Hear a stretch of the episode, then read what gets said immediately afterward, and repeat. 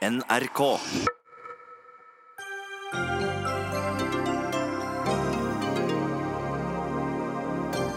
For første gang vil regjeringa skyte ulv innenfor ulvesonen. Nå møter den selv skyts fra alle kanter, til og med innenfra. Kvinnekortet dras for ofte i maktkamper, og det er negativt for likestillingskampen, skriver Dagens Næringsliv. Vi må diskutere kjønn når det så tydelig er en del av forklaringa, svarer Agenda. Norske idrettsarenaer har alkoholforbud, men eh, ikke på VIP-plassene. Absurd forskjell forskjellsbehandling, sier stortingsrepresentant og ishockeypresident. Og kan barn virkelig ta skade av at julenissen spør dem om de har vært snille i år?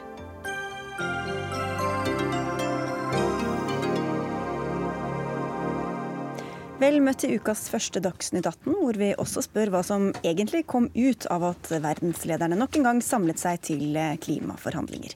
Jeg heter Sigrid Solund. Det er lite som fyrer opp oss nordmenn mer enn ulvepolitikken. I dag var bråket i gang igjen etter at regjeringa åpnet for å felle den såkalte Slettåsflokken i Hedmark. Det er første gang det åpnes for å felle dyr innenfor eh, den såkalte ulvesonen. Samtidig ble det nei til å felle to andre flokker i ulvesonen, i strid med anbefalinga fra rovviltnemndene. Senterpartiet kaller det hele vanvittig. Frp krever lovendring, mens miljøbevegelsen mener skytinga er helt uforståelig.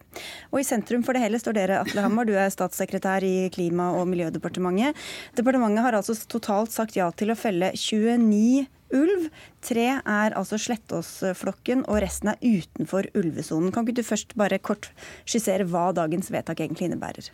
Nei, altså Det vi har fattet i dag, det er jo et vedtak, og sånn sett er det historisk. For det er første vedtaket der vi tar ut en flokk innenfor ulvesona.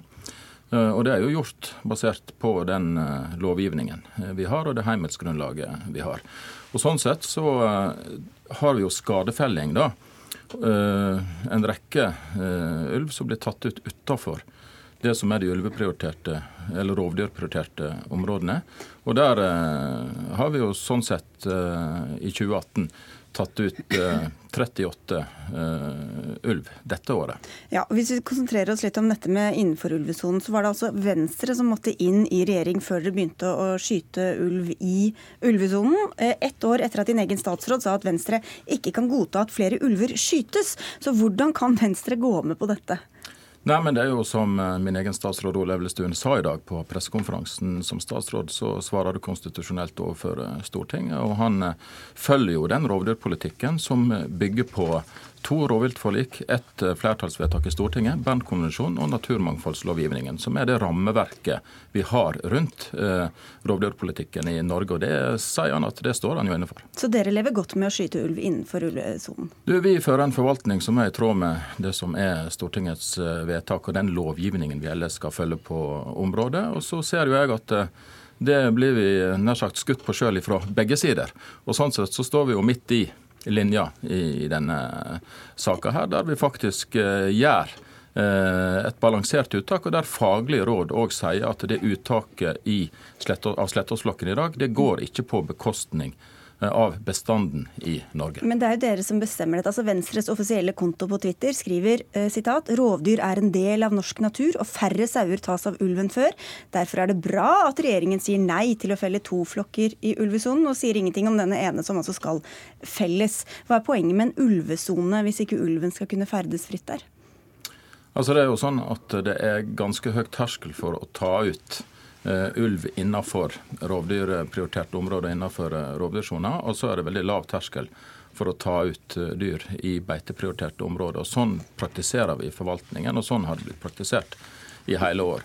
Og Venstre, vi Men Hva er poenget med en ulvesone hvis man ikke skal kunne ha ulv som kan løpe rundt der? Men det er jo det som er poenget, at våre faglige myndigheter har jo eh, utreda dette nær sagt fram og tilbake og på tvers og alle retninger og funnet ut at det går ikke utover over bestanden, og det går ikke eh, utover genetikk og de andre tingene vi skal se okay. på i forhold til forvaltningen av dette. Og så er det jo et storting som har sagt at vi skal ha en fauna med rovdyr, og så skal dette ses i sammenheng med beiteprioriterte områder. En helhetlig, yes, en helhetlig politikk, ja. Skjønner. Ingrid Lomelde, du er miljøpolitisk leder i WWF Norge. Hadde du trodd at det skulle være en klima- og miljøminister fra Venstre som åpnet for, for dette? Egentlig så syns jeg jo at noen klima- og miljøminister kan åpne for dette. Jeg syns dette er en kaotisk og helt eh, uakseptabel politikk, eh, hvor regjeringen nå flytter grensene år for år for hvordan vi behandler kritisk truede arter i norsk natur. I fjor var det altså sånn at det ikke var greit, det var ikke hjemmel i lovverket for å ta ut denne Slettåsflokken. Ikke greit å skyte innenfor ulvesonen. Nå er det plutselig greit, og det er ingenting som har endret seg i hvordan den flokken oppfører seg, eller hvilke hvordan situasjonen er innenfor sonen. Men Poenget er vel at man skal ta vare på ulven, og så lenge det er flere nye kull over målet enn det som, som Stortinget har sagt, hvilken rolle spiller det egentlig akkurat hvor den ulven befinner seg? Det som spiller en rolle, er jo om vi har en levedyktig bestand av ulv i norsk natur. Og, og Problemet nå er jo at vi har en bestand som er så innavlet at de er altså som søskenslektninger. Eh, og så driver Norge nå og skyter ut de få genetisk viktige individene som kommer inn. Og i tillegg så begynner vi altså nå å skyte ut flokker også innenfor sonen. Eh, så vi tar ikke forpliktelsene våre på alvor. Ja, skal Hammer få svar på det? Jo, nå er det jo sånn at eh, Slettåsflokken ble jo faktisk vurdert etter naturmangfoldsloven eh, sin paragraf 18c, der du nettopp etter Stortingets presisering i 2017, altså de merknadene kom som ble innarbeidet, kunne legge vekt på samfunnsmessige hensyn, altså et større antall individ over lengre tid. Sant? Og Det er jo det som er bl.a. en del av argumentet i vedtaket, som gjør at du kan gå inn og ta ut dette, samtidig som våre faglige myndigheter altså sier at dette går ikke utover bestanden i Norge. Det er Miljødirektoratets eh, faglige grunnlag i denne saken, når vi da vedtar å ta ut en flokk innenfor eh, ja, veldig kort lommelig, for vi skal slippe til flere. Jo, det er veldig overraskende at dere kommer til den konklusjonen akkurat i år. Nå har Sverige altså avlyst sin ulvejakt i år nettopp fordi at situasjonen for bestanden er så alvorlig. Eh, I fjor mente eh, departementet at det ikke fantes noe hjemmel for å ta ut denne flokken. Og så har situasjonen plutselig endret seg i år, mens svenske myndigheter kommer til en helt annen konklusjon. Og så, som du var inne på, Hamar, så får dere altså skyts fra flere kanter. Marit Arnstad, du er parlamentarisk leder i Senterpartiet. Dere er også misfornøyd. Vi hørte hvor mange ulv som skytes. Likevel er det ikke nok. Hvor mange mener dere vi må ta ut? Nei, altså Vi legger jo skyhøyt over de bestandsmålene som Stortinget har sagt eh, vi, vi skal ha. Vi legger jo på en eh, vi legger på en 10,5 kull og skal ned til 4,6. Vi legger på en 115-117 individ eh, bare i Norge på ulv. Eh, sånn at ulvebestanden har eksplodert etter at Vidar Helgesen nekta å gå jakte på ulv for altså, to år siden. Tidligere klimaminister. Ja, for to år siden. Mm. Eh, så det vi, det vi, og det vi opplever i dag, det er jo en regjering som, som driver en ulveforvaltning stikk i strid med de vedtakene Stortinget har gjort. Det var én ting statssekretæren ikke brukte av begrep her, og det var bestandsmål. Og det er jo fordi at Stortinget har fastsatt et bestandsmål som skal være mellom fire til seks kull. Men Er det et maksimumsmål? Nei, intervallet fire til seks kull, og det skal være bestandsmålet. Det skal være det som balanserer hensynet både til rovdyr, men også til beitenæring. Nå legger vi altså dobbelt så høyt som det bestandsmålet. Og vi har ikke sjans til å komme ned på det bestandsmålet med, den, med det uttaket som, som regjeringa gjør i dag. Da må du også ta flere revir, også innenfor ulvesona. Hvis ikke så er det helt umulig. Ja, for det var, det var jo som jeg nevnte, altså to som ikke ble, ble tatt, som egentlig rovdyrviltnemndene eh, ja, hadde sagt at skulle skytes. Nemlig eh, i Mangen i Akershus og Hedmark eh, og Hobøl i Østfold, som ikke blir felt. Hvorfor ble ikke de tatt? Jo, men nå er det jo sånn at vi hadde et bestandsmål for å kommentere Marit Arnstad på 10,5 i fjor. Så tok vi ut... Men Hvorfor har dere valgt disse, de ene og ikke de andre?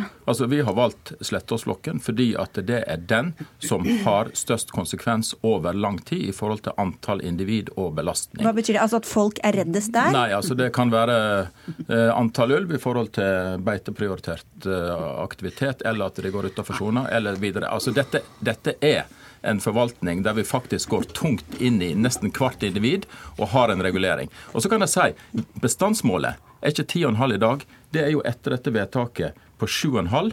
Og så er ramma fra 4 til 6,5. Det er bestandsmålet eh, på ulv.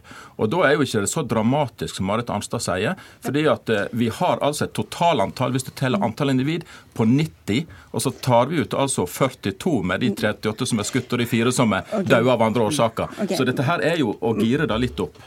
Arnstad. Det er et par lureri her. Det ene er tallene som han trikser med. For vi har nemlig veldig nøye ulvetelling i Norge. Og det gjør vi fra år til år. Og i 2017-tellinga som ligger til grunn for alle avgjørelser i 2018, så er det 10,5 kull. Så er det riktig at du tok ut et par kull i fjor vår, men de er da med i den tellinga som vi nå skal inn i. Og den har vi ikke klarlagt ennå, men den tyder på, etter halvårsrapporten til Miljødirektoratet, som at vi også fortsatt har en økende bestand. Så må jeg få lov å si at det skifter begrunnelsene her fra gang til gang. For to år siden så sa regjeringa nei, vi skal ikke ta ut noen flokker i ulvesona, for det er ikke noe beiteprioritert område, for det er ikke noe sau igjen der nå. Nå sier Atle Hamar at vi skal ta ut fordi det er et beiteprioritert område. Altså, Det virker på meg som her har er tanken at de skal slite ut lokalsamfunn etter lokalsamfunn uh, før de på en måte tar en avgjørelse om at du kan ta ut noen få individ i de lokale samfunnene. og Det syns jeg er et hån imot lokalsamfunnene. Og Nå kunne jeg jo egentlig satt over til deg, Morten Ørsal Johansen, som sitter på Stortinget for Frp for å forsvare regjeringa, men det er jo faktisk ikke derfor du er her. Du sier at eh, man må vurdere endre loven pga. det som har skjedd i dag også? La meg først si at eh, det som var hovedintensjonen til Stortinget når vi inngikk forliket, det var at bestandsmålet det skal være overordnet. Ferdig med det. Det var en klar uh, flertallsmerknad og et klart uh, vedtak som ble gjort.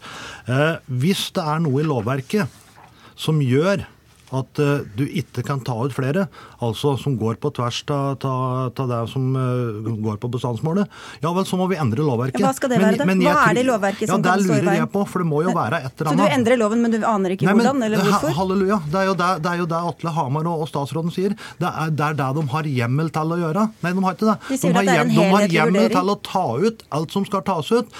Bestandsmålet er overordnet. Vi skal ned på seks. I dag har vi åtte og en halv. Ta ut én flokk. Da er vi ikke i nærheten av bestandsmålet. Og det er det jeg forholder meg til, og det er det som er det riktige å forholde seg til. Altså. Ja, jeg må si at det, altså, Et av partiene ble jo nødt til å svikte sine velgere her, og det har jo blitt Frp. Eh, fordi De har jo vært like opptatt av en eh, tøffere ulvepolitikk som Senterpartiet, men her har de vært nødt til å svikte sine velgere. Det er fair enough. Tror men det er, der ute også, er på en måte, det er på en måte litt avsporing å begynne å snakke om lovendringer. For Stortinget har hatt en runde omkring det med loven og lovendringene. Vi har klargjort at vi mener at det må være åpent for å ta ut ulv også i ulvesona. Dette er ikke mangel på lovverk eller forskrifter. Dette er bare mangel på vilje hos regjeringa til å gjennomføre de tiltakene som må, må til for at du skal komme ned på Stortinget Stortingets bestandsnivå. Altså, altså, det som er Poenget her er at hvis regjeringa bruker at statsråden bruker som grunn at den ikke har hjemmel, da må det være lovverket. Og, da, gang, og da, men, er det, da, er det, hans plikt okay, å sørge men, for at men, det blir endret på. Hvis ikke, så står, det men, og tydelig. men, Men bare for å avklare det med en gang, er det lovverket dere skylder på? Men er, er, helt klar det. Er her er det litt interessant, fordi at Stortinget har nemlig vedtatt flere ting. Ja, vi styrer etter bestandmål, men du tar ikke bestandmålet nei, men, nødvendigvis helt selvstendig alene. Er det lov... Vent litt nå. Vent nå litt. Hallo, hallo, hallo. hallo. Er det, så, er det, sånn at det er lovverket som gjør at dere ikke har, feller flere ulv? Eller er det en beslutning tatt på et annet grunnlag enn bare nei, altså, vi, at loven står i veien for det? Vi fatter jo et forvaltningsvedtak i dag der vi tar ut én ulveflokk innenfor sona. Det er sånn sett faktisk ja, Kan du ikke svare sånn at vi skjønner hva det er for noe? Du, svar, vær så snill å svare. Ja, har han rett? Så, så, altså, Heimla har vi i forhold til at naturmangfoldsloven òg setter jo sine begrensninger, fordi det er en streng lovgivning i utgangspunktet i forhold til å ta ut, ta, ta ut ulv. Og da kan jeg si det sånn at et anmodningsvedtak som Stortinget eh, sa, ga i 2017, svarte departementet på med en proposisjon der faktisk, stor, der, der faktisk Stortinget i forhold til naturmangfoldsloven eh, sa at det her Eh, skal vi faktisk vekte samfunnsmessige hensyn, og det er det vi skal vektlegge. Ja, det, vi ja. Men, du, det, men, det, er veldig lett å si at det er loven det er noe gærent, men når det er din egen regjering som faktisk tar, fatter disse vedtakene? Det er statsråden som sier det, og de bruker det samme uh, lovvedtaket for å si ja og nei. De bruker 18c i naturmangfoldloven for å si ja til Slettås, så bruker de det samme vedtaket for å si nei til Hobelamangen. Da skjønner ikke jeg uh, sammenhengen i dette. her. Men, det som er faktum, bestandsmålet er overordnet, og er det nådd, så skal det tas både utafor og innafor sona. Det er ingen tvil om. Okay, bestandsmålet trumfer alt. Lommelde får slippe deg jo. Dette blir jo en helt kaotisk situasjon, hvor partiene på Stortinget nesten prøver å overby hverandre i hvem som kan bidra til at vi tar ut flest ulv. Og så later de som om dette bestandsmålet er en del av lovverket vårt. Det er det jo absolutt ikke. Loven sier at vi skal ha en levedyktig bestand av ulv i norsk natur. Og så har Stortinget sagt at og, dette mener vi er det levedyktige. Ja, så sier Stortinget det, men samtidig så har Stortinget bestemt at målsetningen med ulvepolitikken er at vi skal ha rom for levedyktige bestander dekar av ulv i norsk natur, og rom for beitenæring med sau på utmarksbeite. Og så er situasjonen sånn nå at politikken faktisk virker. Tiltakene virker. Vi har flere sau på beite, vi har færre tap. Vi har jo aldri hatt en så god situasjon for å klare å finne en balanse mellom de interessene. Men det blir jo aldri nok for de som har lyst til å utrydde ulven, sånn som Senterpartiet har. Politikken deres virker, hvorfor skal det da gå imot den? Miljødirektoratet sier òg at det vil ikke være noen fare for bestanden hvis vi tar ut alle tre flokka. Så enkelt er det.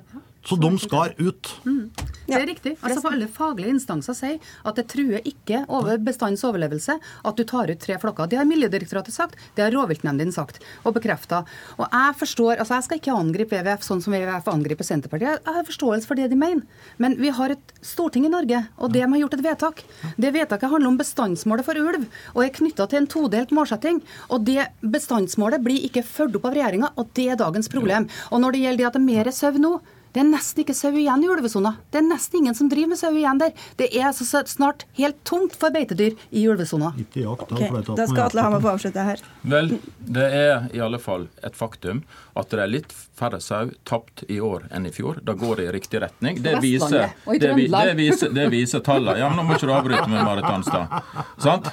Vi, vi, har 1600 sau påvist så langt som er tapt til ulv. Her er et par millioner sau på beite, slik at en skal ha med seg det store bildet inn i dette. Men videre så er ikke det så enkelt at det er bare ett bestandsmål her. Som jeg sa, du har naturmangfoldsloven, der, du, der det er faktisk en høy terskel og en streng tilnærming, i, en streng tilnærming i forhold til å regulere dette. Og, og, da ser, og, da ser, vi det i sammenheng i forhold, i forhold, i forhold til hva, hva, hva er lovverket? Du, du, har prøvd, du har prøvd Du prøver så tvil om, dette her, men vi har et, nei, men vi har et lovverk som okay. Fortell meg det. Nei?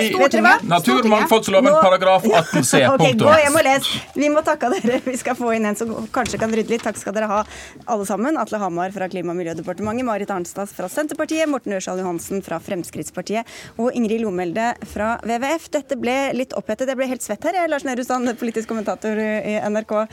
Det er ikke en sak hvor det er lett å gjøre alle til laks. Det kan vi i hvert fall slå fast. Det har du vel vist frem allerede. Men hva slags eh, vanskelig, altså Her hører vi altså Fremskrittspartiet mot Venstre også i den samme debatten. Hva slags sak, hvor vanskelig er dette for regjeringa? Selvfølgelig har det vært vanskelig for eh, Venstre å skulle åpne for eh, å ta ut ulv innenfor ulvesona. Det, vært, det er jo en terskel som uansett endres i dag. Og de som, som er skeptiske til dette vedtaket fra eh, naturvernhold er nok mer eh, vel så opptatt av de langsiktige konsekvensene av at man åpner for det, eh, som akkurat dagens vedtak isolert sett. På motsatt side så er det da Frp som mener at når man først gjør det, når Stortinget sa at man burde lytte mer til der hvor det var konflikt, se på de langsiktige konsekvensene av det, se på helse og sikkerhet litt andre, med litt andre valører enn man tidligere gjorde, så burde man åpne for større større uttak eh, også innenfor sona, spesielt når eh, bestandsmålet er nådd og vel så, eh, vel så det. Og, og, dette har preget forhandlingene i regjeringen i, i høst og frem til i går kveld. For dem som ble mer forvirra enn opplyst av å høre på, på debatten eh, vi hadde her, hva, kan, du, kan, du, rydde opp i litt? Altså, noen sier det er loven, noen sier det er politikken. Hva er, hva er greia her?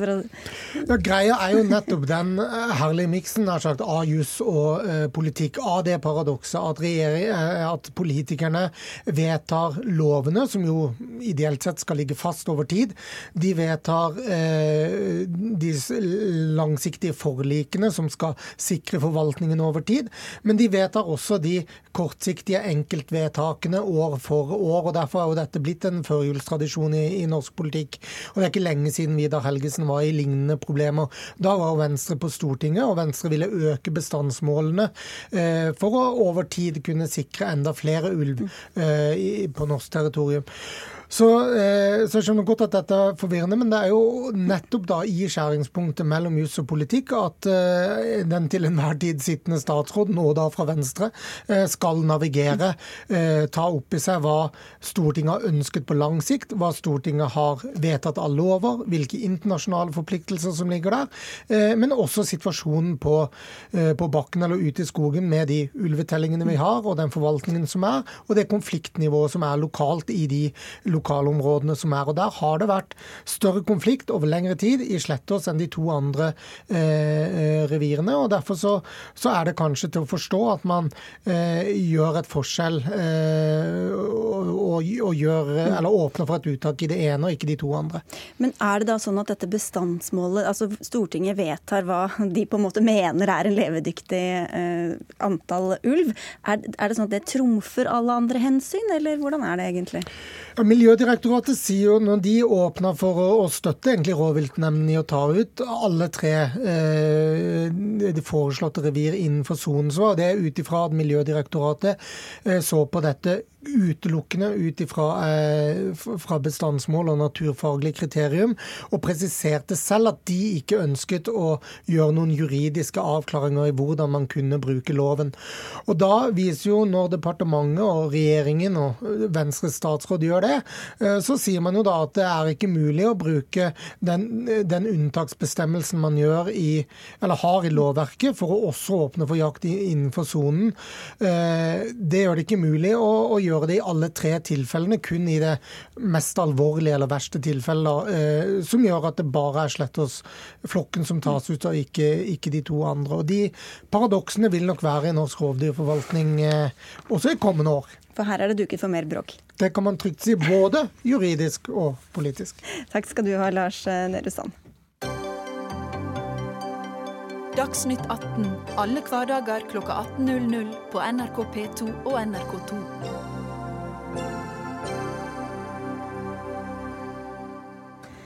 Åshild Mathisen, Anita Krohn Traaseth og Berit Svendsen. Tre personer med to ting i hvert fall til felles. De er alle kvinner, og i år har de alle gått av som profilerte toppledere i ulike bransjer, eller i hvert fall meldt at de skal gjøre det. Hver gang er det blitt pekt på at kjønn har spilt en rolle i avgangen. Men gjør kvinner seg selv en bjørnetjeneste ved å snakke høyt om eh, kjønnsperspektivet? Eva Grinde, kommentator i Dagens Næringsliv. Du skriver i dag at det du kaller kvinnekortet kan være skadelig for likestillingskampen. Hvordan kan det det? Jeg tror at eh, det ikke er så veldig lurt av eh, toppkvinner å vise til at eh, den motstanden de har opplevd, og som er noe av årsaken til at de går av, kommer av at de er kvinne. Og det mener jeg henger sammen med at da bidrar de til å flytte oppmerksomheten vekk fra deres rolle som leder og sjef og over på deres kjønn. Mm. Noe som er kanskje noe av det de ønsker å motvirke. Ja, men du skriver jo samtidig at, eh, at, kvinner og menn gjerne kan bli oppfattet og behandlet uh, ulikt. Så hvordan skal man motvirke det hvis man ikke tar tak i enkelteksemplene og viser det fram? Det er helt åpenbart at kvinner og menn vurderes forskjellig. Det fins massevis av ulike studier og forskning på det. Det har jeg selv skrevet om veldig mange ganger. Um, og det, er, eh, det benekter jeg overhodet ikke, det, det, er en viktig ting å ta tak i. Men derfra til å forklare en enkeltsituasjon med at det er det som har skjedd, det er veldig problematisk. Fordi det kan, eh, det kan ikke bevises. Eh, eller det kan det kanskje av og til, men i de tilfellene jeg snakker om, så, så kan det ikke det. Um, eh, og det kan heller ikke motbevises, så det blir litt sånn under beltestedet ting å dra fram. For det er veldig vanskelig å argumentere mot også. Mm. Eh, Kaja Storvik, nestleder i Tankesmien eh, Agenda. Det er jo ofte kompliserte, sammensatte saker, så hvor hensiktsmessig er det å dra fram dette kjønnsperspektivet som da får nødvendigvis veldig mye oppmerksomhet? Altså, eh, for det første, og det har jeg bare lyst til å si før vi begynner. Altså, Eva Grinde er utrolig opptatt av kvinner i ledelse og likestilling og sånn, så det er ikke vi uenige om. Eh, men eh, det som er eh, Altså det vi veit fra forskning, og jeg har mange år på baken som toppleder sjøl, eh, er, er at kvinner og, og, menn vurderes veldig forskjellig. De vurderes veldig forskjellig når de rekrutteringsprosesser, og de vurderes forskjellig basert på hvilket kjønn de er, når de er ledere. Eh, og det kommer ikke som en overraskelse på noen. Alle som er litt interessert i forskning, kan finne ut av det. Det er to kjappe Google-søk og 10 000 tunge rapporter som viser det. Ja, så så Men så er det sånn. Men så er det også sånn, og det, der er nok Eva og jeg uenig. Og det handler om at min erfaring og mye av det vi vet om hvordan endring blir til, det er når man faktisk tar tak i der hvor struktur møter virkelighet. Og det er jo i helt konkrete saker i enkelte menneskers liv. Ikke sant? Altså Strukturer er jo på en måte bare et et, et overordna bilde av noe veldig, veldig mange opplever. Eh, og eh, veldig, det er jo veldig få, veldig få kvinner eh, som, som, trekker fram dette, altså særlig kvinner i ledelse som, som nevner dette. Og det er nok fordi at det er litt sånn uglesett. Og, og, og, det er problematisk, fordi det er jo ikke sant, Akkurat som alle andre enkeltheter i en ledergjerning, så er det vanskelig å bevise og motbevise. Og jeg tror det er veldig få som har fått sparken utelukkende fordi de er kvinner. Det er klart det handler om flere ting. Men det er en viktig bit av det, og jeg tenker at da skal det også være en del av debatten, og det må være lov å ta opp. Men jeg mener at det, det er også en, eh, en, litt lettvint bortforklaring, eller kan være det. Og det, det kan også bli et litt sånn Eh, sutrete tegn på at du ikke tar inn over deg hvordan du har virket som leder. Og dessuten må jo være mye mer interessant for en, en, en leder å, å, prøve å forklare i den grad det er mulig å gå ut med det, hva som er lå til grunn for uenighet av substansielle ting. Da. Hva slags strategi hun sto for, hva slags kompetanse hun hadde osv. istedenfor å og, og, trekke fram det som egentlig ikke er noe å, som ikke går an å forsvare seg mot. Da. Men det at man sier at kjønn er ett element, betyr ikke at man nødvendigvis underslår alle de andre elementene? Nei, det gjør det ikke, men det er klart at det har en eh, viss sånn eh, under... Det er jo ikke til å stikke under stol det at det, det, det, er, det vekker en viss interesse når det, når argumentet kommer opp. Mm. Uh, og at det, at det, da lett kan være det som blir hengende igjen. Uh, ja. og, og, og, som Grinde sier, hvordan skal man kunne forsvare seg mot det fra motpartens side hvis noen sier at her er det kjønnet, det er kjønnet mitt som, som, virker mot meg? Altså, For de fleste store bedrifter uh, så, så, så, vil jo ikke det være, være veldig vanskelig vanskelig. Altså bedrifter som er gode på likestilling, eh, som legger planer for å være likestilte, og som har opplegg for det, de lykkes veldig godt med likestilling. Eh, det er ikke, det er ikke sånn at det, det er liksom rocket science å få til mangfold på arbeidsplassen, men man må ville det og jobbe for det. Men det er og det vi jo, jo, men det vi jo ser, ikke sant, er at ofte når dette eh, kommer opp Eh, i forbindelse med enkeltsaker, så skyldes jo det kanskje at arbeidsplassene ikke har vært så gode på det. Telenor er jo et godt eksempel på det, som har fått, som har fått kritikk eh, for, for, å ha dårlig kjønnsbalanse og dårlig likestilling generelt på toppen. Mentor Medier-konsernet som er i vårt land, er et annet konsern som har vært ramma ja, av det. Men for eksempel, i, i Berit Svendsen, altså Telenors tilfelle, så har hun jo ikke sagt det selv, at der var det, der var det kjønnet hennes som virket mot henne etter at hun gikk av. Eh, hvis jeg ikke husker det. Du jeg refererte til en debatt etter, ja, etter ansettelsen av Brekke i 2015. Ja, du skrev det i 2015, eller om du skrev om 2015. Men nå har jo så, så dette nei, er noe som omgangen, folk nei. utenfra leser inn. De kaller det gutteklubben grei osv. Storvik, hvordan kan andre egentlig vite det? Altså, for det første så kan du, du kan telle. Altså, kan, altså, når, det, altså, når, det, gjelder liksom mangfold på toppen, og om folk lykkes med likestilling eller ikke, så kan man gå inn og telle. Hvor jo, jo, men et sted må de jo begynne, og så de, ønsker de kanskje å gjøre noe med det. Da, og så får de flere har, kvinner. Men vi har skrevet i Tankesmien-agenda en stor rapport om akkurat det. Hvordan lykkes man i å få, eh, få til likestilling. Og det man gjør, er at man, man, jobber med det nedover, man jobber bevisst med de rekrutteringsøyemed. Eh, altså, eh, man, eh, man setter seg mål som man rapporterer på til styret og sånn. Så det er ganske lett, og det er faktisk også eh, mye av det er lovbestemt. Så så det er ikke så vanskelig. Jo, man men jeg mener i dette tilfellet, man, hvis en bedrift sier at vi vil ha flere kvinner, og så jobber de for det, men så med en gang én kvinne går av, eller så, så altså, da kan jo ikke det være et bevis for at de ikke Nei, De eh, tallene kan ikke si noe om den enkelte situasjonen. Det er det som er problematisk. Men det kan jo tall aldri, sant? Altså, altså, eh, da kan du si at man kan ikke i noe enkelttilfelle trekke fram at noe strukturelt har virket diskriminerende. Vi vet jo f.eks. at innvandrere blir ganske hardt diskriminert eh, i norsk arbeidsliv. Eh, men det er jo ingen det finnes ikke en arbeidsgiver i Norge som ville sagt nei, vi innkalte ikke deg på intervju fordi du er innvandrer.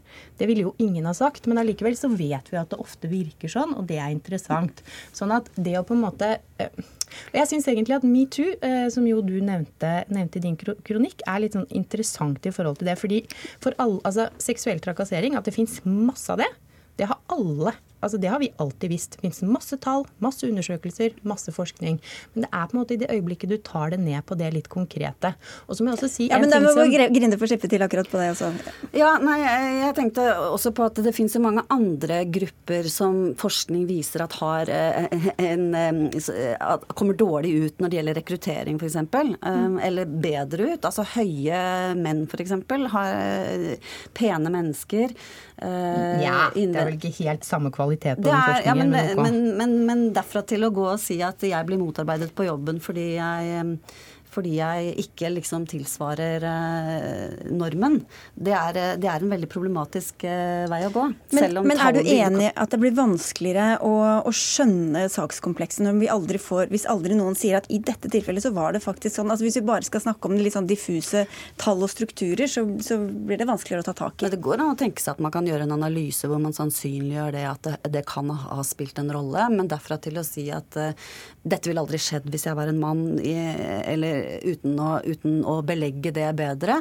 Ehm, det, det, går selvfølgelig an. Og en annen ting er at når man rekrutterer, så, det jo, så kan det jo finnes rett og slett objektive grunnlag som viser at man er diskriminert. fordi der går det jo på hva slags papirer man har. Du kan vise at du er forbigått. og Vi har jo da et diskrimineringsombud osv. Mm. Det er litt verre eh, når man snakker om at jeg blir behandlet sånn og sånn på jobben pga. mitt kjønn. Det er mye vanskeligere å bevise. Og at man kan bli oppfattet som man, man gjør, seg, gjør, seg selv mindre ved at man skal peke på det, Storvik. Ja, og så kan du si ja, gjør man seg selv mindre. Jeg er jo veldig glad i virkeligheten. Jeg har alltid tenkt at det er liksom sånn Altså, hvis man skal gjøre ting bedre, så må man ta utgangspunkt i virkeligheten sin, der hvor man er. Og så må man prøve å beskrive det så godt som mulig. Eh, og jeg tenker jo at det å se på kjønn som en del av hver enkelts virkelighet, det, det er det jo. Eh, og det å trekke fram det altså, Vi vet at det har betydning. Eh, jeg har jo, fordi jeg har Eh, jeg ble toppleder sjøl tidlig i en ganske stor bedrift. Diskutert dette med mange mange andre kvinnelige toppledere. Og folk opplever jo at det er litt annerledes. Ikke at det er det eneste som, som, på en måte har noe å si, for det er det på ingen som helst måte. Men det har betydning. Og så er det bare én ting som jeg har lyst til å si. det og det er det der med å si at noen trekker kvinnekortet. Det syns jeg er en veldig underlig måte å formulere seg på. Eh, okay. Fordi ingen ville vel sagt at noen trakk et mannskort, Eva, så der syns jeg kanskje du skulle tenke deg litt om til neste gang. Jeg hører hva du sier. du, takk skal dere ha begge to, Kaja, Kaja Storvik fra Agenda og Eva Grunde fra Dagens Næringsliv.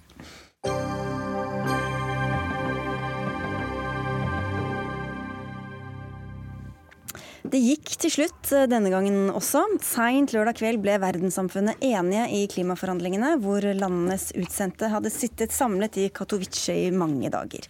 Her skulle de finne felles regelverk for å følge opp enigheten fra Paris om å begrense jordas oppvarming til to, eller aller helst halvannen grad. Bård Land, du er forsker ved Cicero senter for klimaforskning. Du var i Polen eh, hvor klimaforhandlingene foregikk, og du har fulgt dem siden 2005. Først, Hva var det konkrete formålet med årets forhandlinger? Ja, eh, Det var kanskje to forventninger, først og fremst. Eh, det som har vært aller mest i fokus, var at skulle, det var her man skulle bli ferdig med det regelverket som trengs for at eh, Parisavtalen kan virke som den skal. Parisavtalen som man ble enige om i, i 2015, forplikter alle land til å sette seg klimamål, men det trengs et mer detaljert regelverk som, som sier hvordan det skal gjøres, hvordan man skal rapportere om framdrift osv. Og, så og den regelboka for Paris Parisavtalen var det ene som, eh, som, kom på plass. Så var det i tillegg eh, eh, håp om at man skulle eh, komme videre i å si noe mer om hvordan man kan eh, øke ambisjonsnivået på klimainnsatsen i eh, egentlig alle land, som man jo også vet er helt nødvendig hvis vi skal nærme oss de målene, overordna målene som Parisavtalen setter. Hvis vi tar det første først, denne regelboka, hva står i den? Ja, det er et ganske detaljert regelverk. Man ble enige om det meste. Eh, et eh, spørsmål som for så vidt også er ganske viktig for, for hvordan avtalen blir fulgt opp, som handler om eh, dette med kvotehandel mellom land og hvordan det skal organiseres i framtida. Det ble man nødt til å utsette til neste år, for man klarte ikke å bli enig.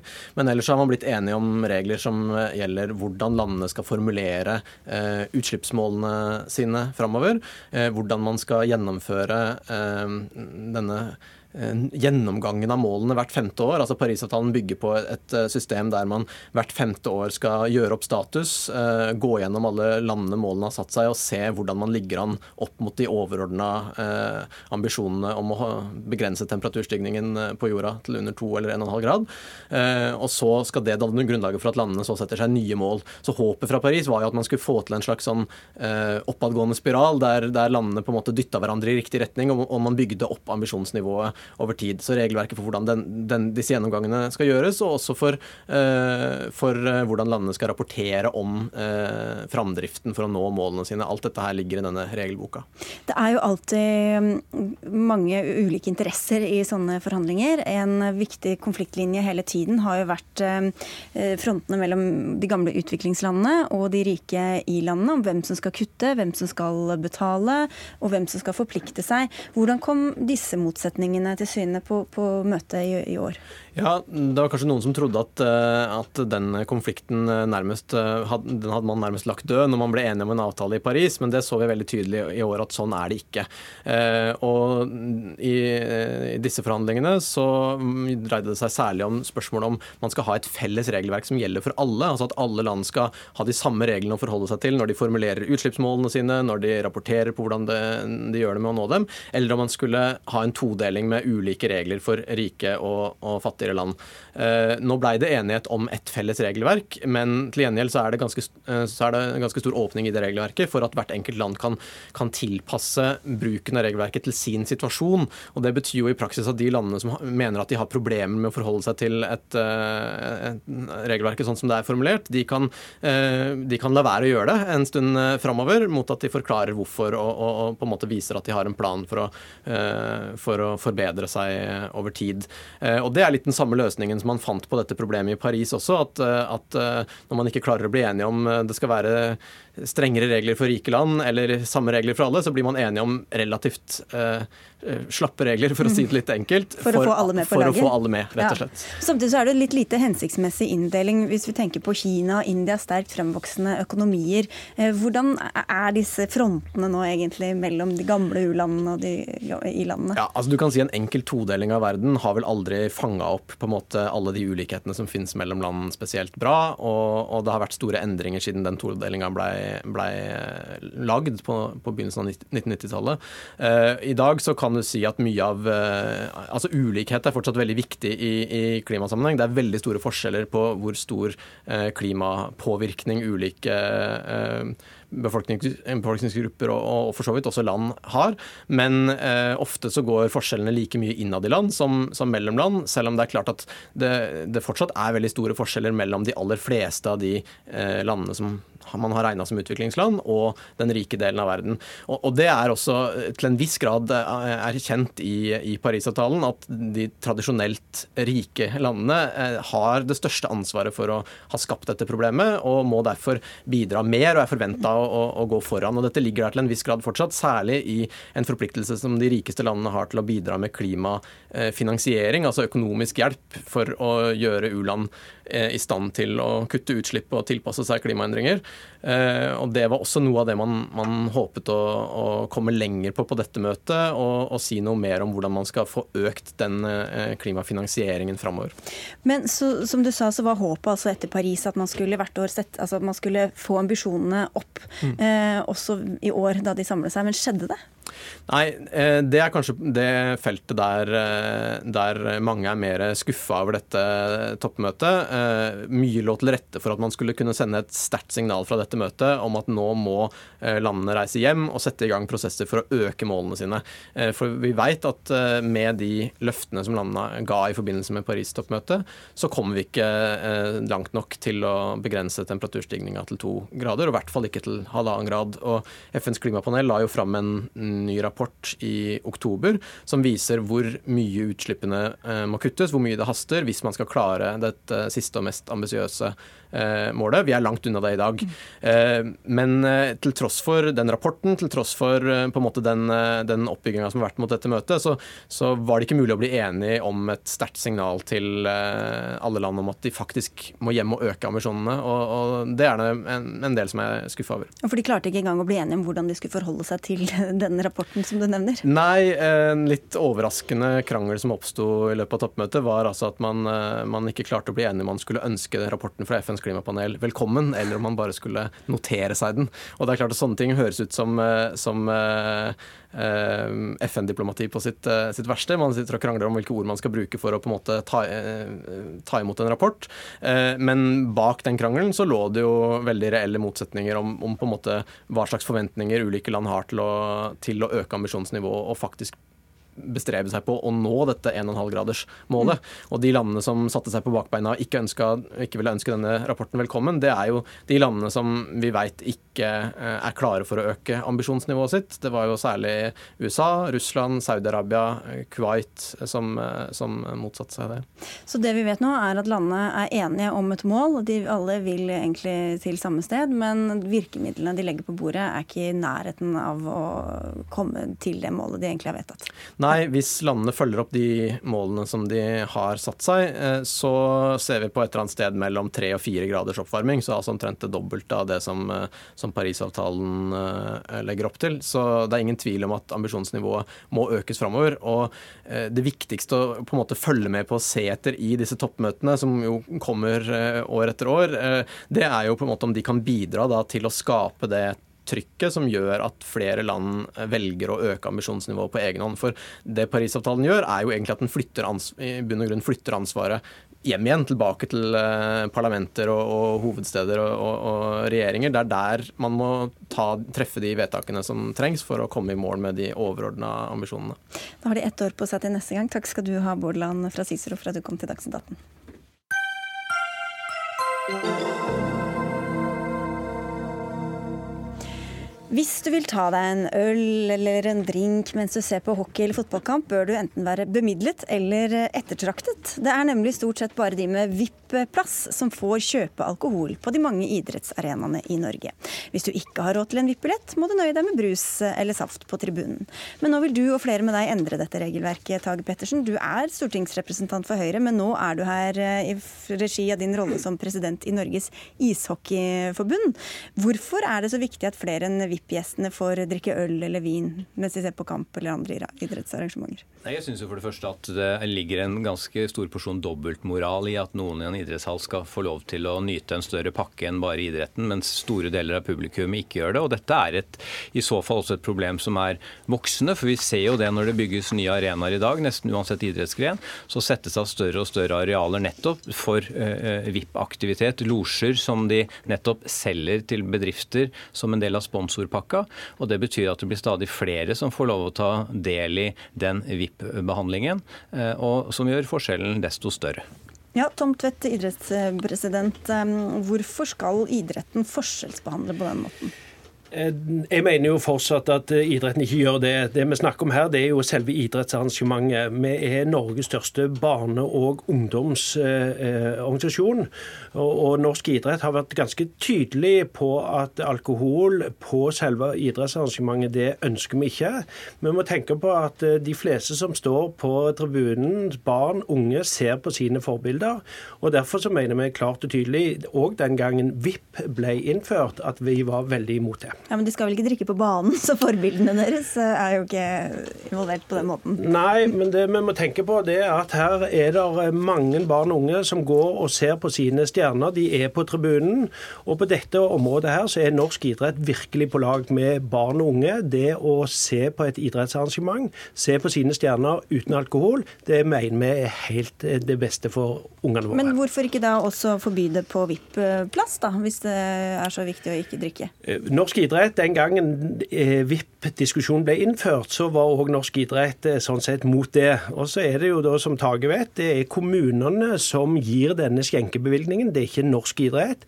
Og det er kommunene som gir denne skjenkebevilgningen, som òg har eh, oppfølging med rusplan, bl.a. for kommunen. Ja, Pettersen, Hvis det er forskjellsbehandlingen du reagerer på, så kan man jo bare skrote alkoholserveringen for alle, da? Det kunne man eh, godt gjort, men som jeg var inne på i sted, så tror jeg at en, en stadig større andel av inntektene til veldig mange av sportsklubbene våre handler nettopp om å selge et produkt til sponsorene. Eh, og sponsorene ønsker noe mer igjen i dag enn de gjorde for bare få år siden, og da blir man mer attraktiv hvis man kan tilby et restaurantprodukt med et måltid og et glass vin eller øl før en, eh, før en, en kamp. Og selvfølgelig snakker vi her om i så fall toppidrettsaktiviteter og ikke barne- og breddeaktiviteter, som f.eks. også når det er internasjonale lag som kommer hit til, til Norge. Og jeg syns jo faktisk at når Tom og jeg kan ta oss en øl i, i pausa på et idrettsarrangement, så syns jeg også at uh, veldig mange andre flere kan gjøre det. Og vi vet jo at det er masse alkohol i hallene i dag som vi ikke har kontroll på, fordi folk kommer godt berusa på ganske mange idrettsarrangement i Norge. Ja, bare for å tvi, dvele litt ved dette, Tom Tvedt. Hvorfor skal du kunne drikke i pausen, og ikke alle andre? Ja, eh, Det er jo sånn at disse VIP-arrangementene har jeg vært på mange av, både eh, nasjonalt og internasjonalt. Personlig så har jeg aldri drukket på et idrettsarrangement. Aldri? Nei, det har jeg aldri gjort.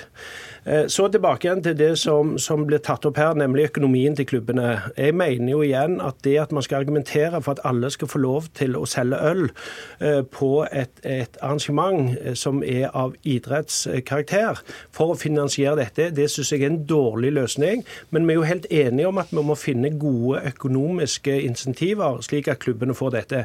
Men det å åpne kranene, et toppidrettsarrangement kan være så mangt, det har jeg overhodet ikke tro på. Ne, men vi vet at det er færre og færre arenaer som er alkoholfrie. Vi vet at det er mange barn til stede som har gleda seg til å gå sammen med mamma eller pappa eller onkel eller bestefar eller bestemor på, på dette arrangementet.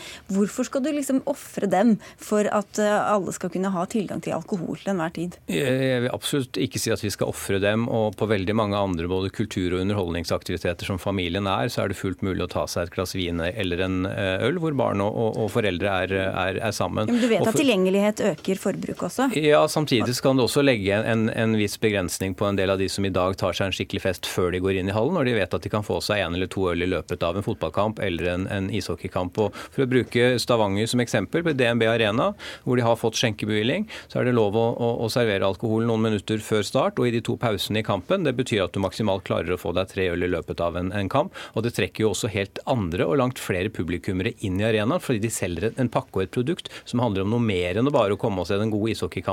Man tar det gjerne som et selskap og en, en, en hygge. Men, men, det er jo her jeg mener klart og tydelig at det som skjer på idrettsarenaen, er det folk er kommet for å se på. Vi vet at mange barn og unge nødvendigvis ikke har det greit med sine foreldre, sine besteforeldre eller med rus. Og Da er vi veldig tydelige på at dette området må idretten reise seg opp og si at nei, vi serverer ikke alkohol når det er idrettsarrangement der det er barn til stede. Dette er jo først og fremst ungene sin plass. Og det å få oppleve denne idretten er vi helt klar og tydelige på at dette ønsker vi ikke for noen. Men å da ta med seg barna inn på den samme arenaen hvor det står en supportergjeng som mesteparten av de er godt berusa, det er ikke noe problem? Igjen, dette handler om det som skjer på selve idrettsarenaen. Vi som organisasjon er ingen avholdsbevegelse. Det har vi jo sett på reiseregningene deres. Ja, det, det har skjedd ikke på idrettsarrangementet. Og Det er ganske vesentlig forskjell. Så må vi, og Når det gjelder reiseregningene, så har det ikke vært noen ting på de, og de har levert for å svare på det. det men, men, dette handler igjen om å være på lag med ungene. Og jeg tror igjen, som du sier, vi må klare å ha noen eh, arenaer der vi ikke nødvendigvis eh, tilbyr alkohol. Og vi vet også at jo mer alkohol, eh, bl.a. en undersøkelse fra Helsedirektoratet i 2014 som slår fast en sammenheng mellom alkoholinntak og utøvelse av vold. Så dette er også fortsatt ting du vil åpne for, da. Jeg sier ikke at du vil ønske vold, men, men det, vi vet jo konsekvensene. Ja, jeg, jeg, har som, sagt, som jeg har vært inne på flere ganger, mer tro på at hvis du kan selge en eller to øl i kontrollerte, regulerte former i et anlegg, i en pause i et idrettsarrangement, så tror jeg faktisk det er bedre enn uh, å slippe inn folk som du ikke har kontroll på hvor mye alkohol har tatt inn, i billettluka når ja, men Det er vel ikke enten-eller? Man kan gjøre begge deler, da? Ja, det, det, er klart, men da tror jeg mange flere vil bruke uh, idrettseventet som den hyggepakka det er, istedenfor at de må gå på puben før de går inn på kampen kampen. og Det er jo ikke, det er ikke nødvendig å dra lenger til enn til Danmark og se på hockey-VM i, i, mai, hvor det var fri flyt av alkohol som det er i Danmark. Hvor, eh, hvor idrettsarrangementene var virkelig familievennlige, og langt mer familievennlige enn noe idrettsarrangement jeg har vært på her nede. Nettopp fordi at arrangørene klarte å legge til rette på dette på en veldig god måte, selv om de serverte eh, en øl eller to i pausa. Men på dette området, Tage, så er det jo, hvis du tar ishockey, så tror jeg få kommer på Oilers for å ta seg en øl. Nei, de fleste kommer for å se altså, til ordentlig idrett. Og så har du andre toppkamper som fyller opp. Og da er det som du vet, det er kommunen som bestemmer det. Og, det og norsk idrett har vært ganske veldig tydelig på at på selve idrettsarrangementet så ønsker vi ikke alkohol. Yes. Verken for, for de som, som har en VIP-pakke, eller de som er publikum og kommer med ja, sine barn. Du var ikke så tydelig på at du ikke ville ha det på VIP-pakken. Da viste du bare til kommunenes eh, skjenke... Nei, hvis du går etter, så har jeg stått i Stavanger Aftenblad og sagt at jeg ønsker ikke dette. Dette har jeg stått for lenge, og det mener jeg fortsatt. Jeg skal invitere deg på en Oilers-kamp, Tom, så skal du se hvor mange hyggelige mennesker som tar starten på bursdagsfeiring sin eller andre ting i arenaen eh, og kombinerer det. Ha det hyggelig sammen med venninner, ta seg et glass vin i pausa og se god idrett på arenaen. Men jeg har vært på mange Oilers-kamper og mange idrettsarrangementer. De fleste handler faktisk om at barn og unge, foreldre skal få en fantastisk idrettsopplevelse. Og, og det ønsker jeg òg i fremtiden. Okay, men bare for å avklare helt på tampen her, eh, fordi Det blir jo etterlyst et nasjonalt regelverk, men det er dere begge imot? Begge vil at kommunene fortsatt skal Dette er kommunalt ansvar, så det er opp til kommunene å avgjøre. og Sånn skal det være, spør du meg. Selve skjenkingen er det der, og så er det jo et idrettsting. Men det som er norsk idretts politikk, er det som jeg framfører her. Og så skal Tage reise på ting eh, senere i mai, og så får norsk idrett ta en ordentlig diskusjon på det. Og Foreløpig virker det som at de har lyttet mer til deg enn til eh, deg, Tage Pettersen. men det kan vi se kan jo endre seg. Takk skal dere ha begge to, Tom Tvedt, altså idrettspresident, og Tage Pettersen, eh, ishockeypresident. Hør Dagsnytt 18 når du vil. Radio NRK Radio.nrk.no.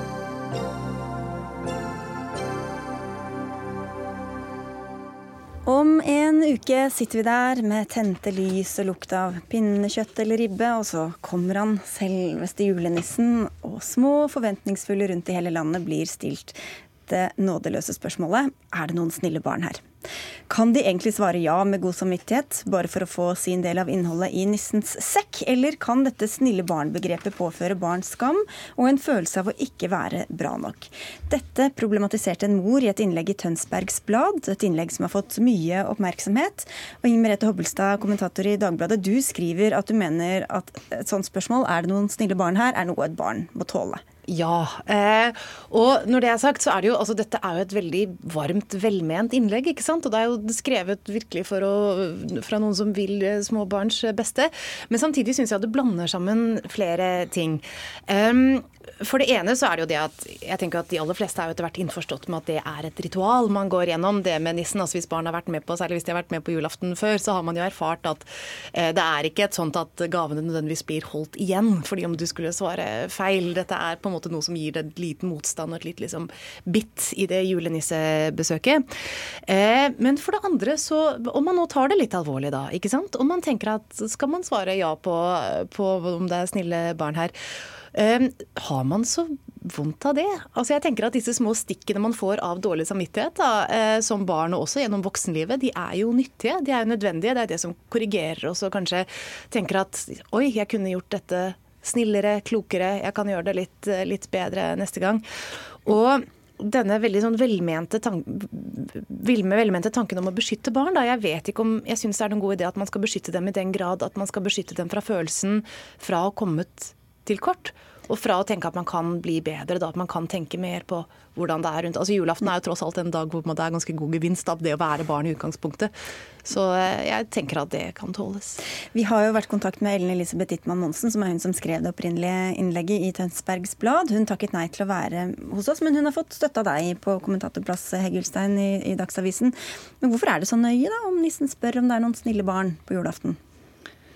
Jeg tror at uh, hennes poeng, og det, det som hun uh, hadde på hjertet som pedagog og fagperson, og som uh, en som har lest mye om dette, var ikke nødvendigvis hva som skjer akkurat på julaften, men hun valgte å bruke det som utgangspunkt for, for et budskap som handler om hvordan vi snakker med barna våre.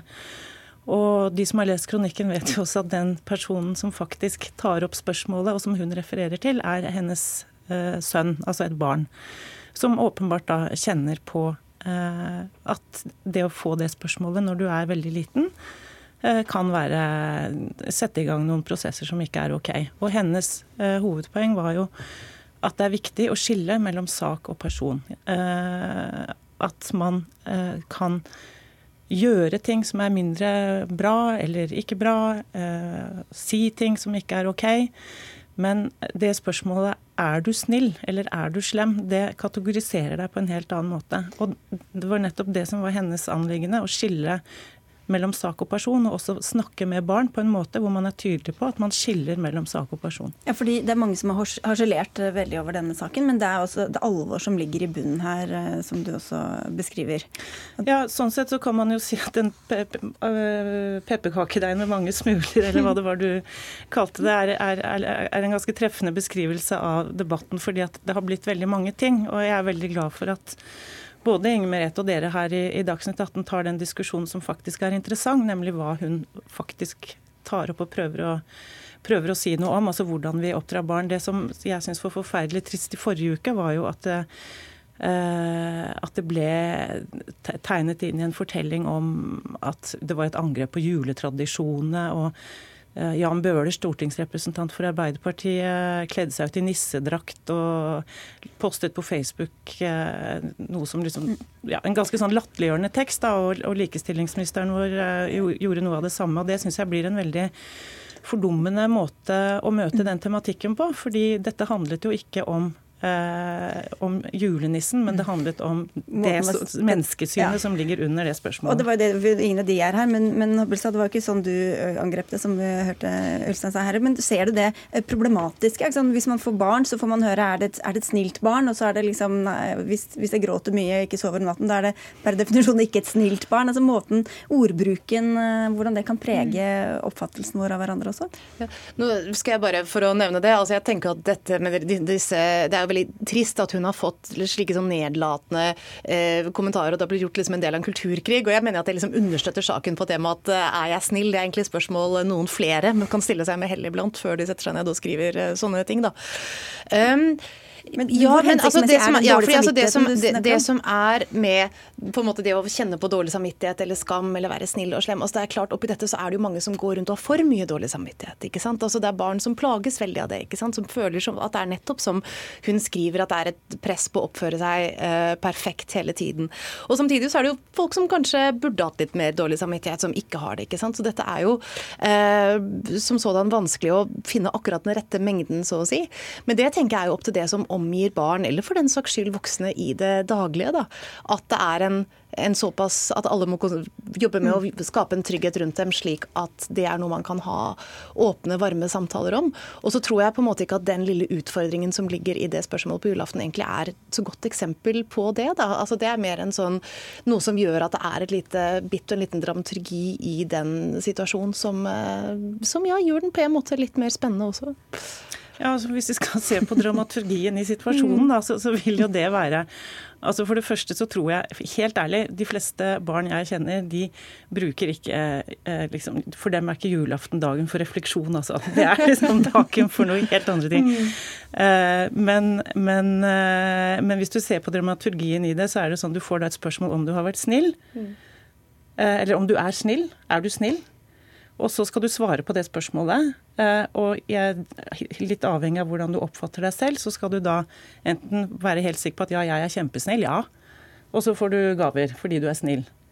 Eller hvis du er litt usikker på egentlig er jeg snill, jeg vet ikke, var jeg snill i dag, var jeg snill i går, eh, har jeg vært snill hele året, hva ligger i dette her?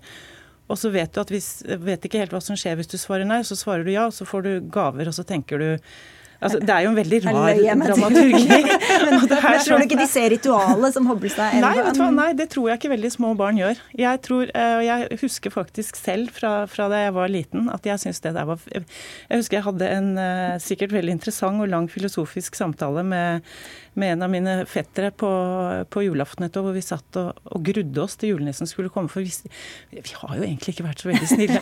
Og hva skal vi svare når han spør? Og jeg tror det er på en måte litt av bakgrunnen i, i den veldig kloke refleksjon til til hennes sønn som, som startet hele den debatten. Og jeg tenker sånn det er ganske mange tradisjoner vi har etter hvert eh, som har blitt avleggs fordi vi lærer mer om hvordan barn mm. fungerer, og hvordan man skal vise omsorg for barn. Og kanskje, okay. kanskje, vi kan tenke over dette her en gang til også. Men jeg tenker også at jeg tror ikke det er umulig å gjøre begge deler. Altså det å prøve å passe på når den skyldfølelsen blir for komplisert eller for stor, og samtidig komme med den lille, uh, lille utfordringen der, fordi det tross alt er bedre å gjøre snille ting enn slemme ting. Det er uh, bedre å være omtenksom enn å være egoistisk i mange situasjoner. Så er det mange situasjoner hvor det spørsmålet er litt mer komplisert enn som så. Ja. Men at man skal ikke beskytte mot å ta den samtalen, da, og det å gjøre folk litt oppmerksom på det. Det å bare spørre er det noen barn her, det holder ikke for deg? er det noen barn her som har lyst på gaver, kan man spørre.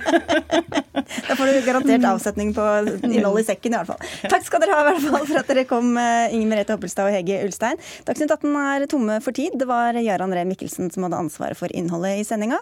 Frode Thorshaug hadde det tekniske ansvaret. Jeg heter Sigrid Solund, og vi ønsker en fin kveld videre.